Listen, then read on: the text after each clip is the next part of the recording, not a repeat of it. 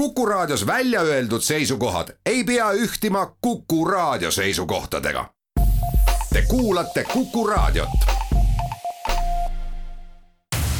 entsüklopeedia stuudios on Enn Eesmaa. tere teile kõigile entsüklopeedia seekordse teabetunni peateemani jõudmiseks alustan mitte Iidamast, Aadamast ega aegadest enne meie aega, vaid ühe ooperi esietendusest Londoni kuninglikus teatris vaata, et päevapealt kahesaja aasta eest. lavateose pealkiri originaalis oli Giulio Cesare in Egitto ehk Julius Caesar Egiptuses. selle Georg Friedrich Händeli meistriteosega toodi lavale Caesari viimased eluaastad ning kirglikud suhted Kleopatraga, kes oma rahva ja riigi vallutajat otsustas mitte mõrvata, vaid naisena alistada. triumfaalse vastuvõtu saanud esietendust dirigeeris autor Hendel isiklikult. maestro kirjutas ooperi Briti Kuningliku Muusikaakadeemia tellimusel. nii kõlab koor, milles rahvas tervitab Kreekas peetud lahingus oma vihavaenlast Pompeiust lõplikult võitnud ning äsja Egiptusesse saabunud kindral Caesarit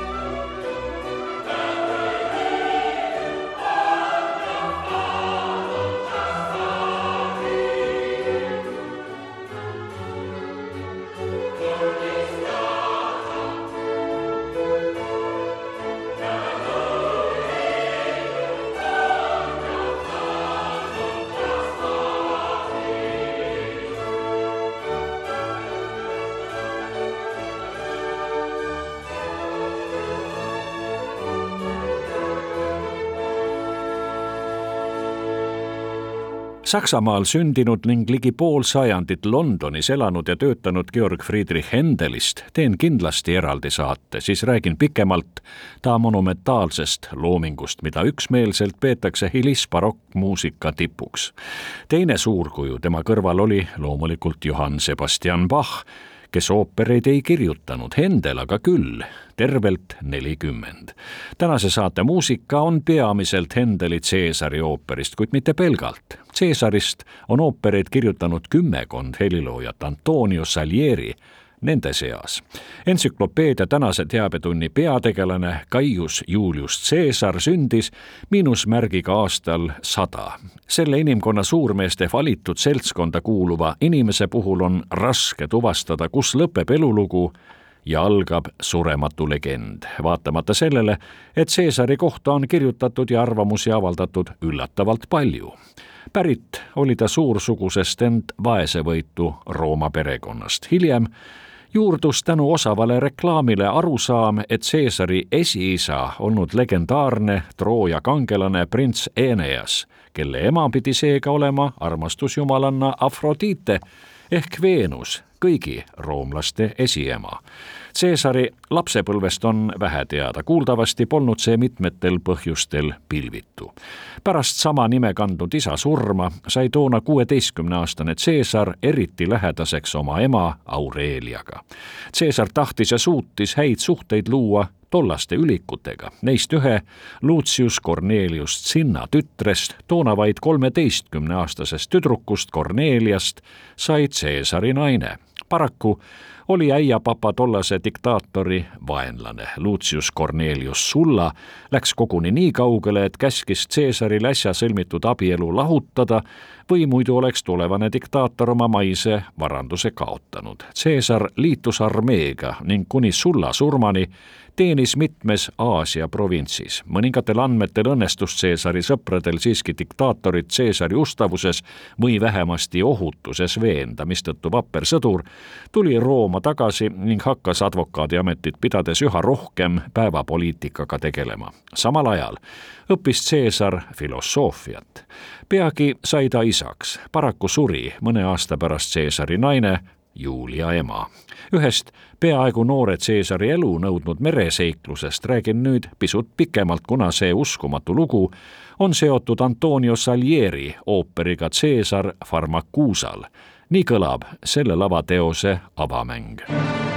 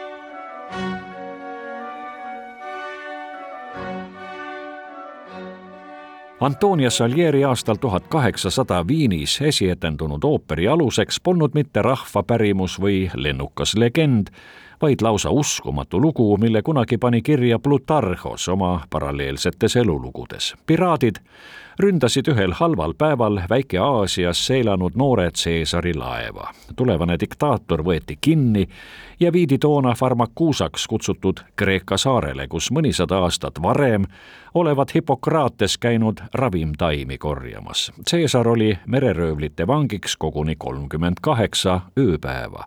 Plutarhose väitel olevat tulevane hirmuvalitseja kartmatult käitunud, isegi sedavõrd uskumatult, et lubanud kõik temalt vabaduse röövinud tüübid viimseni maha nottida, kui nad ta vaid vabaks annaksid, vähe sellest. kui läbirääkimiste tulemusel kujunes tulevaste maffiatavade vaimus lunaraha nõue, olevat Caesar selle summa põlglikult tagasi lükanud, öeldes, et temasugust meest sedavõrd naeruväärselt väikese rahasummaga nüüd küll välja ei osteta. röövlid saidki nõutust oluliselt kopsakama summa kätte, peagi ka nii-öelda välja teenitud palga, sest Caesar tuli saarele koos väikese väesalgaga tagasi ning kõik mereröövlid leidsidki ennustatud verise lõpu. nüüd aga selles mõttes tagasi, et Caesari juttudega edasi minna. oma tõusu kindraliks alustas Caesar vapra lahingutegevusega Pontuse kuningas Mitridates kolmanda vastu kolmandas Mitridatese sõjas. lahingu vapruse eest autasustati Caesarit niinimetatud kodanikukrooniga. aastal miinus kuuskümmend kaheksa valiti Caesar Rooma riigi kõrgeks majandusametnikuks kvestoriks. sellest algas Caesari riigimehe karjäär. üks Hendeli poolt Caesarile kirjutatud aariatest on See vaikib. et saaksime aimu, kuidas see muusikaline monoloog võis kahesaja aasta eest kõlada, kuulete seda kuulsat aariat kontratenori Drew Minteri esituses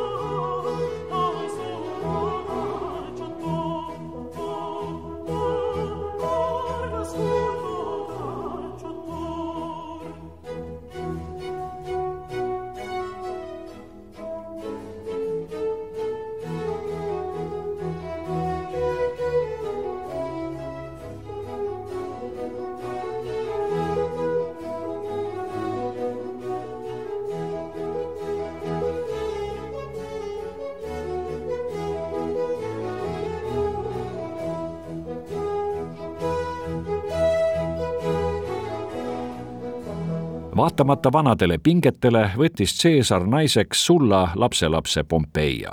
paraku polnud sedagi abielu kuigi kauaks.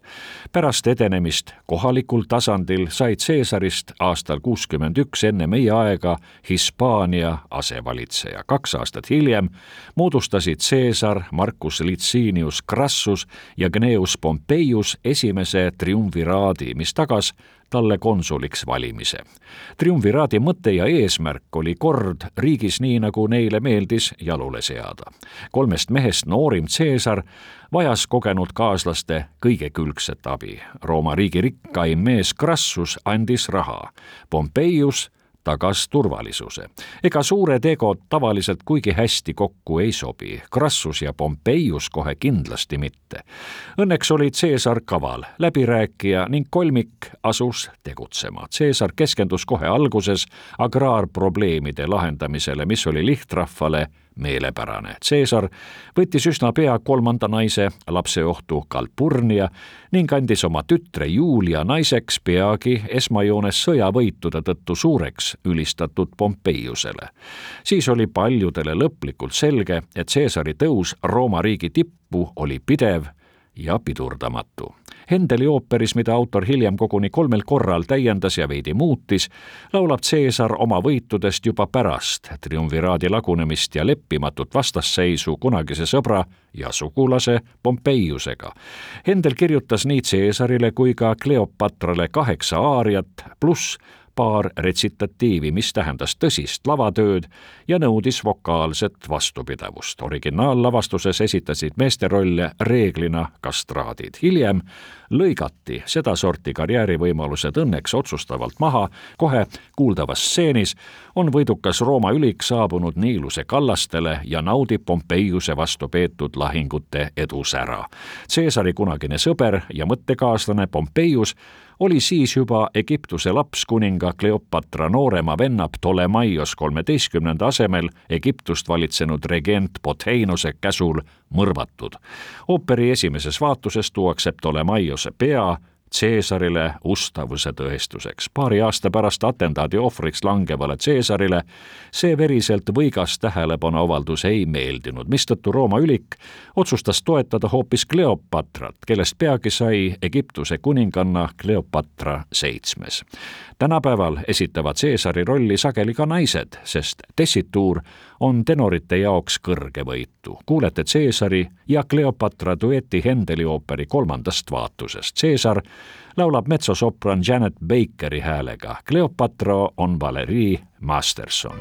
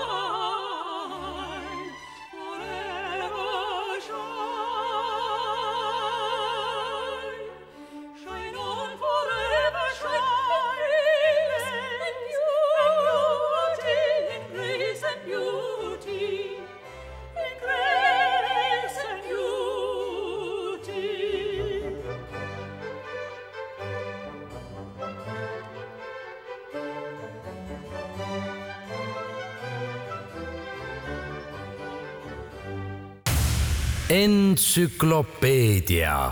stuudios on Enn Eesmaa.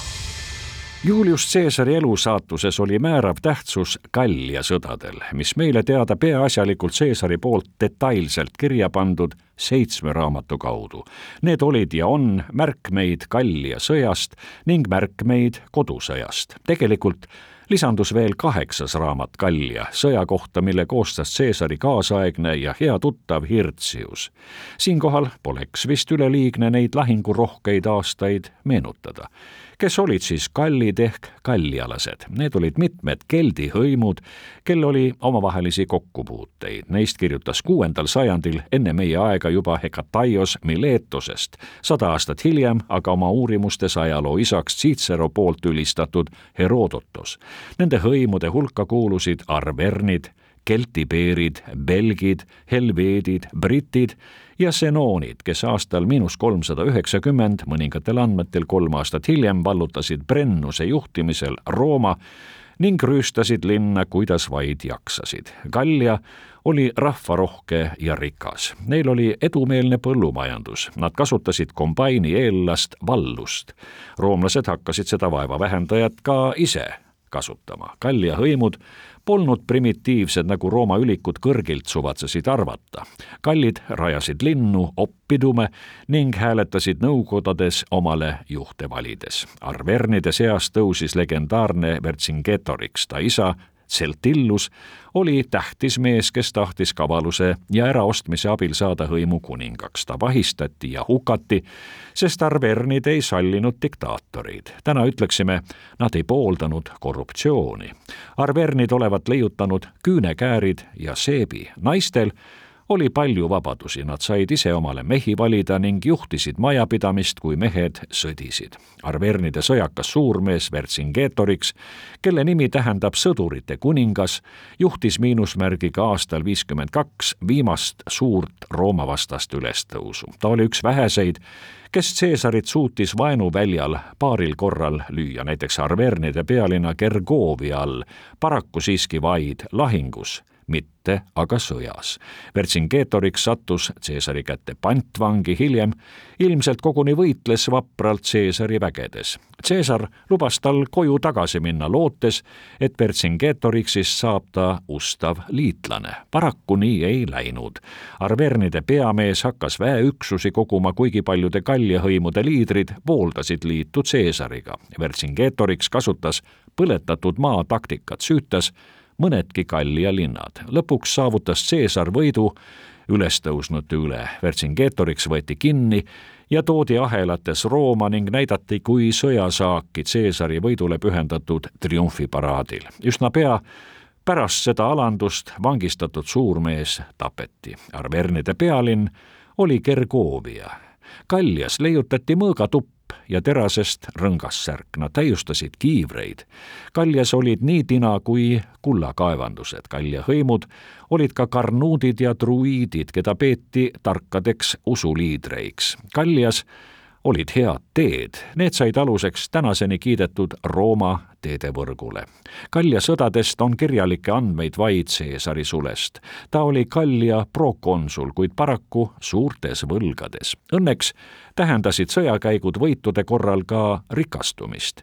esiotsa vajas Caesar mingit usutavat ettekäänet Kalja sõdade alustamiseks. seda pakkus roomlastele sõbralik hõim aeduiidid, keda ka heedudeks on kutsutud. ettekäändeks sai helveetide soov lääne poole läbi roomlaste pro-, provintsialade rännata. üle kolmesaja tuhande inimese seda rännakut alustas, pärast lahinguid jäi alles vaid kolmandik. kallide sõjavägi oli Caesari väest suurem. sõja käigus hävitati kaheksasada linna, paar miljonit inimest hukkus. Kalja sõdadest algas Caesari tõus, kuid sai alguse ka ta langus. esialgu oli kõik kõige paremas korras. Gallia sõdades sai Caesarist küps sõjataktik ja strateeg. ta tegi mitugi sõjaretke Britanniasse ning Reini jõe aladele. talle ustavatest väeosadest moodustas Caesar kümme leegioni. sajandeid oli Rooma armee koosnenud vabadest meestest, kes vajadusel asusid relvile. umbes samal ajal, mil Caesar sündis, moodustati esimesed elukutselise armee üksused. Caesari ajal moodustasid armee tuumiku leegionid, kellele langes lahingute põhiraskus. igas leegionis oli viis tuhat ratsa ning jalaväelast, leegioni juurde kuulusid ka käsitöölised ja arstid legionäride relvadeks olid lühikesed mõõgad ja pikad odad. sõdalasi kaitsesid kiivrid ja sihvakad kilbid. üha rohkem võimu ihanud Caesar ületas nii teos kui sõnas piirijõe Rubiko ning alustas oma kunagise liitlase Pompeiuse ja senati seega kogu Rooma riigi vastu kodusõda. poliitika ning parlamendi tasandil kuulus Caesar populaaride fraktsiooni, Pompeius aga oli optimaatide liider, vähemalt esiotsa. Caesar viis relvajõul osavate manöövritega ellu oma lennuka hüüdlause Veni vidi vici samanimelisi filme ja teleseriaale on aastatega eri maades toodetud mõnikümmend, tõsi, neist vaid vähesed jutustavad Caesarist. seni viimases ekraanile jõudnud teleseriaalis saab ülevaate, kuidas kõigest kuueteistkümne aasta jooksul suutis Caesar hävitada viis sajandit kestnud Rooma demokraatia.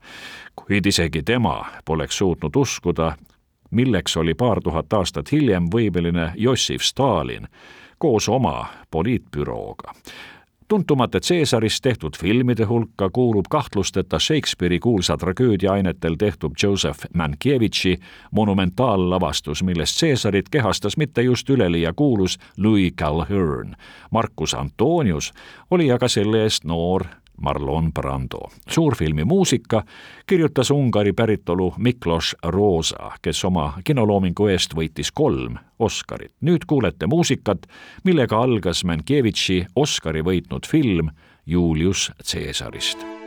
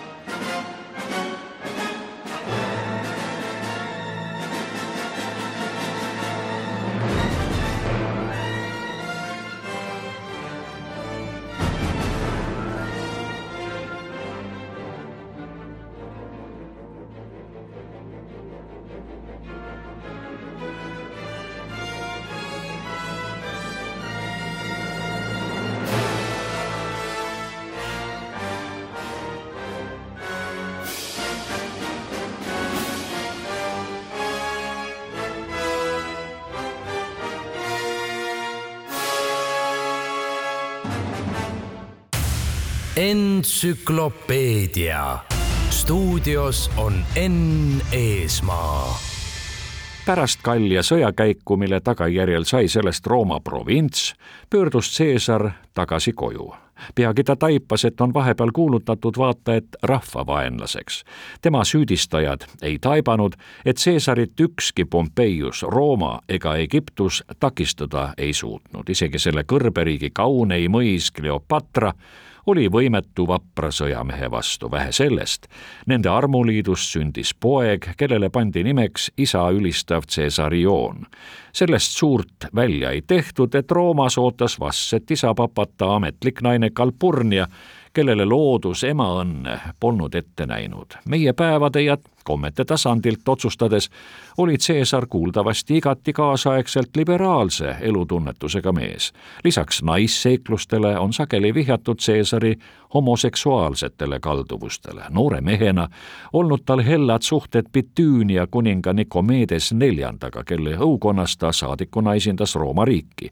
Caesari poliitilised vastased kasutasid sageli Caesarist rääkides solvavalt vihjavat nimetust Bitüünia kuninganna, mis viitab, et Caesarile meeldis mõnel pool ja mõnikord ka alluda, anduda ja alistuda, mitte vaid hommikust õhtuni kõiki ja kõike ürgmehelikult vallutada. kaks aastat enne mõrvamist saabus Caesari tähetund, ta sai diktaatoriks, miinusmärgiga surma-aastal nelikümmend neli, koguni eluaegseks diktaatoriks. ta pööras riiki paljude reformidega otsustavalt keisrivõimu suunas, kuigi demokratiseeris senati ning andis välja uusi, täiustatud seadusi. diktaator tõi rahvastele uue ajaarvamise, Juliuse kalendri koos omanimelise suvekuuga, millega asendati juuniuse ning sekstiilise vahele jäänud kuu kvintiilis.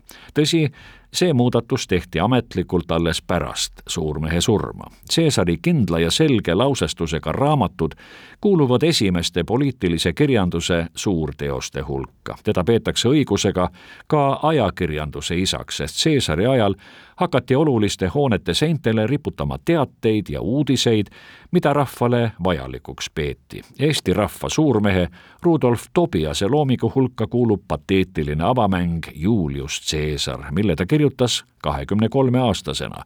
see epohhiloov oopus oli esimene sümfooniline avamäng Eesti muusikas. kuulete katkendit Tobiase avamängust Eesti Teleraadio sümfooniaorkestri ja Neeme Järvi esituses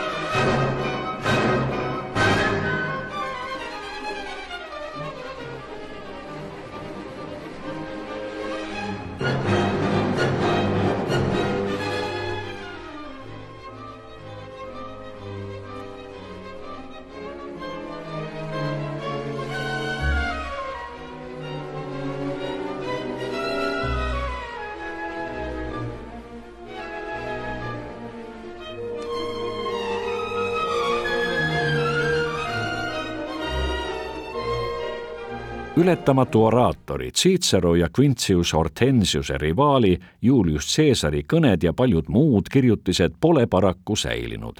erandiks on Caesari aruanded Gallia sõjast ning kodusõjast. ennekõike faktilisi, kuid täpselt kalkuleeritud kokkuvõtteid on ometi ladus ja huvitav lugeda, sest Caesari tekstid omavad lisaks kõigele muule ka märkimisväärset kirjanduslikku väärtust. Caius Julius Caesar tapeti senatis ennast vabastajateks kutsunud Brutuse ja Cassiuse poolt kavandatud senaatorite vandenõu tagajärjel viieteistkümnendal märtsil aastal nelikümmend neli enne meie aega. Shakespeare kirjutas oma tragöödias Caesari viimseks lausungiks sõnad, mis kõlasid vaid mõni hetk enne vandenõulase Kaska esimest pistoda torget. Georg Meri tõlkes kõlavad need laused nii ma olen kindel nagu põhjatäht, mis püsib ehedalt ja vankumatult nii, kui ei miski kogu laotuses. on taevas lugematuid sädemeid, nad tuli on ja igaüks neist hiilgab, kuid omal kohal püsib neist vaid üks. nii on maailmgi inimesi täis ning kõikidel on liha, verd ja mõistust, kuid nende hulgast tean ma vaid üht, kes rünnakutest häirimatuna ei nihku paigast kolmeks viimseks Caesari sõnaks kirjutas Shakespeare ladina keelt kasutades et tu brute, ka sina, Brutus. tegelikult olevat surija kreeka keeles öelnud ka sina, mu poeg. Brutus oli Caesarist viisteist aastat noorem sõber ja väsimatu takkakiitja. Caesar oli naiste rindel tõepoolest vastupandamatu vallutaja. üks ta armukesi olnud Brutuse ema Servilia, teine veelgi väärikam daam Pompeiuse abikaasa Muutsia pärast mõrva sai Caesarist kuulsusrikas märter. senati otsusel hakati teda kutsuma jumalikuks Caesariks. ta ainsa otsese järeltulija Cesarioni eluküünal kustutati uue keisri käsul vana kombe kohaselt üsna pea. kuid Caesaril oli ka kasupoeg ja peamine pärija Octavianus. tema hakkas peagi koos Caesari sõbra Marcus Antoniusega mõrvaritele kätte maksma. kui muljetavaldav hulk Rooma ülikuid oli tapetud, läks Octavianus oma liitlastega tülli. Marcus Antonius aga pidi aktsiooni lahingus vastastele alla vanduma. Rooma valitsejaks ja esimeseks keisriks sai Octavianus, kes peagi lisas oma nimele senati otsusel Augustus, mis tähendab suursugust saate lõpuks mängin teile veel ühe katkendi Georg Friedrich Händeli suursugusest ooperist Julius Caesar Egiptuses, mille esietendusest möödus äsja kakssada aastat. sedakorda laulab Magdalena Kožena häälega Kleopatra, kes otsustas oma riigi vallutanud Caesarit mitte tappa, vaid naiselike relvadega alistada. nagu teada, läkski see plaan tal korda ning vähemalt alguses ja mõnda aega hiljemgi tundus, et lausa igati head kuulamist, minul on plaanis teile nädala pärast rääkida Eesti Vabariigi ühest peamisest sümbolrajajast Konstantin Pätsist. selle suurmehe sünnist möödub kohe pea sada viiskümmend aastat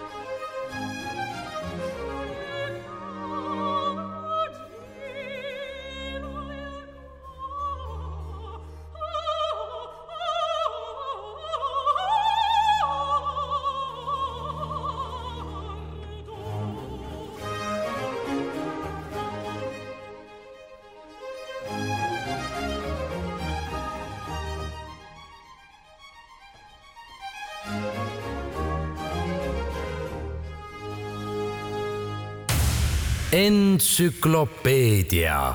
stuudios on Enn Eesmaa